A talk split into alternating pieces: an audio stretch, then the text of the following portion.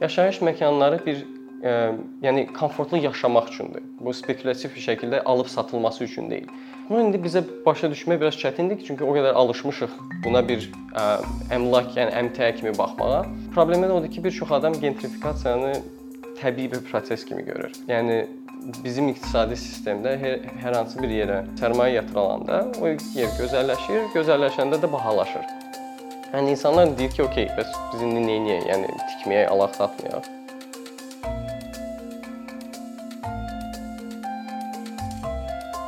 Yaşadığımız bir çox şəhərdə e, gentrifikasiya denilən bir problemlə rastlaşırıq, bir proseslə rastlaşırıq. E, bunun tam olaraq mənasını bilməsək də bu əslində hamımızın gündəlik həyatımıza bilavasitə e, təsir edən ən önəmli urbanistik proseslərdən biridir.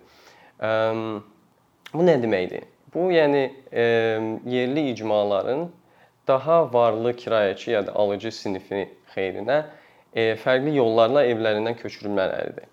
E, Azərbaycan dilində tam tərcüməsi olmasa da, e, türk dilində buna şəhərsəl süzülmə, seçkinləşdirmə ya da soylulaşdırma deyilir ki, gentry sözündən ingilis dilindəki. Müxtəlif dərəcədə olsa da neoliberal iqtisadi sistemə əsaslanan hər bir şəhərdə bunu görmək olar, Bakı da istisna olmamaq şərti ilə. Və bu mənada bunun məsələn tarixi təkmilləşməsini izləmək kifayət qədər maraqlıdır. Çünki terminin özü 1900 ancaq 60-larda formalaşmağa başlayıb, amma birinci iri miqyaslı nümunələrindən məsələn Baron Husmanın 19-cu əsrdəki Paris rekonstruksiyası sayıla bilər.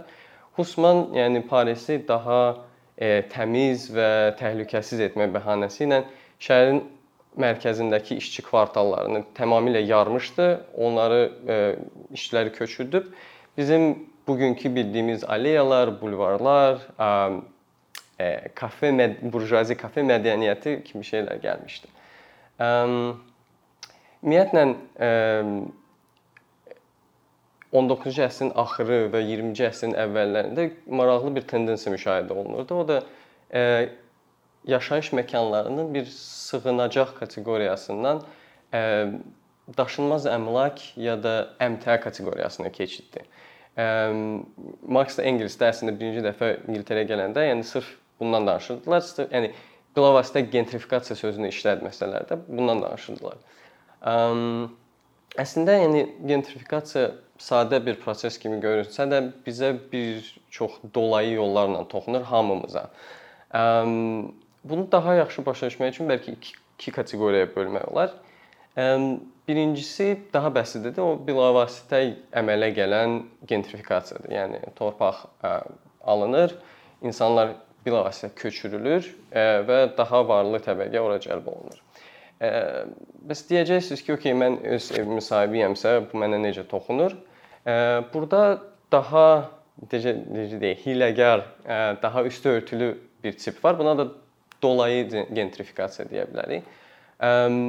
Bu necə baş verir? Gəlin məsələn təsəvvür edin ki, Abşeronun hansısa balaca bir kəndində bir icma var. Bunlar öz gəlirlərinə uyğun ərzaq mağazasında yemək alırlar, çayxanada yığılırlar, bərbərdə saçlarını kəsirlər və s. və s.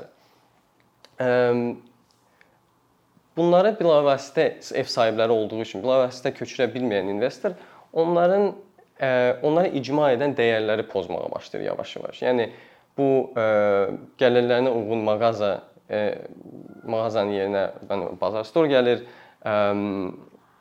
Çayxana yerinə daha dəbli coffee house-lar açılır, bərbər yerinə başqası gəlir və s. və s. və insanlar yavaş-yavaş birincisi işsiz qalırlar, asudə vaxtını keçirməyə imkanları olmur aralarında əlaqə itir və e, ev sahibləri ola-ola, yəni e, kö köçürməyə məcbur qalırlar. Bunun da əslində, yəni Azərbaycanda da bir çox nümunəsi olmasına ən önəmlisi 20-ci e, əsrdə ki, bunlar da hamısı başlayıb bu Manhattanın Soho rayonunda olmuşdu 60-ların 60-ların illərdə. Ümumiyyətlə bu gentrifikasiya prosesini Şimali Amerikada katalizator olaraq sayıla bilən iki dənə önəmli fenomen var idi. İkinci Dünya müharibəsindən sonra deməli birincisi inkişaf etmiş ölkələrin emal sənayələrindən uzaqlaşıb daha çox finans, daşınmaz əmlak, servis, turizm və sonradan IT kimi sektorlara yönəlməsi və çünki həm birincisindən daha prestijli idi, həm də get-gedə qloballaşan dünya kontekstində bu ucuzlaşırdı. Bu sənayələr köçmüşdü və şəhərin mərkəzindəki sənaye məkanları boş qalmışdı. İkincisi də təbii ki, American Dream konseptinin məfhumunun yaranması və bununla da imkanlı ağdərililərin, nüklear ailələrin daha etnik olaraq homogen bir icma qurmaq ümidi ilə suburbiyalara köçmələri, yəni balaca yaşayış məntəqələri idi əvvəlcə. Bununla da ümumiyyətlə şəhərin mərkəzindən bunlar köçmüşdülər və sərmayə də köçmüşdü. Yəni şəhərin mərkəzində sərmayə qalmamışdı. Orada sırf kasıb, kasıb təbəqə yaşayırdı, etnik azlıqlar və s. Deməli günlərin bir günü bura bir bir qrup incəsənət xadimi köçür və bu tərk edilmiş, yıpranmış sənaye məkanlarını öz evləri və emalatxanaları eləmək fikrinə gəlirlər. Bunlar deməli 50-lərin əvvəlindən 70-lərin axırına qədər ə, burada yaşayırlar. Bunu indiki kreativ dediyimiz abu-havanı təşviq edirlər. Ə, rayon gözəlləşir. Buraya sərmayə gəlir, təzə restoranlar, mağazinlər və s. və s. İndi maraqlısı da nədir ki, deməli bu 70-lərin axırı artıq 30 il suburblarda yaşayan bu ağdərilərin ə, uşaqları artıq suburbiyada yaşamaq istəmirlər. Başa düşürlər ki, şəhərin mərkəzi daha çox potensialı var, həm iqtisadi, həm sosial mənada.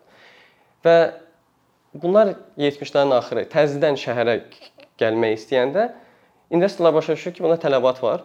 Okay, edək? Gəlin biz bu um, e, sənaye məkanlarını rebrand eləyək və eksklüziv indi məsələn bizim ə, memarlıqda loft stili dediyimiz e, ironik olsa da sırf bundan gəlir. Yəni o yıpranmış sənaye məkanlarının ən ucuz şəkildə e, təmir edib rebrand edən, eksklüziv bir şey kimi satılmağından gəlir. Ümumiyyətlə 80-lərdə e, Soho-dakı e, əmlak qiymətləri bum keçirilir e, və oranı Soho-nu, yəni Soho edən bu incəsənət xadimləri qiymətlərə tab gətirə bilmir və köçürülür.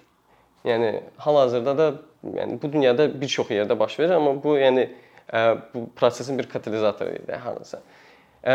Bunların hamısı belə necə deyim, pessimistik səslənə bilər, amma um, urbanizm tarixində yəni bu təcrübədən keçməli idi.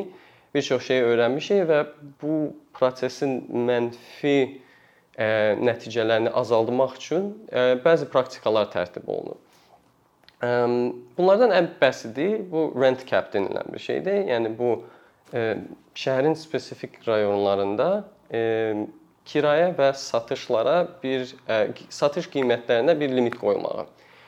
Bununla da sakinləri hardasa spekulativ qiymət sıçramalarından qoruyur. Yəni siz 400 manata kirayə qalırsınızsa, hansısa bir turizm axınından sonra sizin ev sahibi gəlib sizdən 1200 manat istəyə bilmir.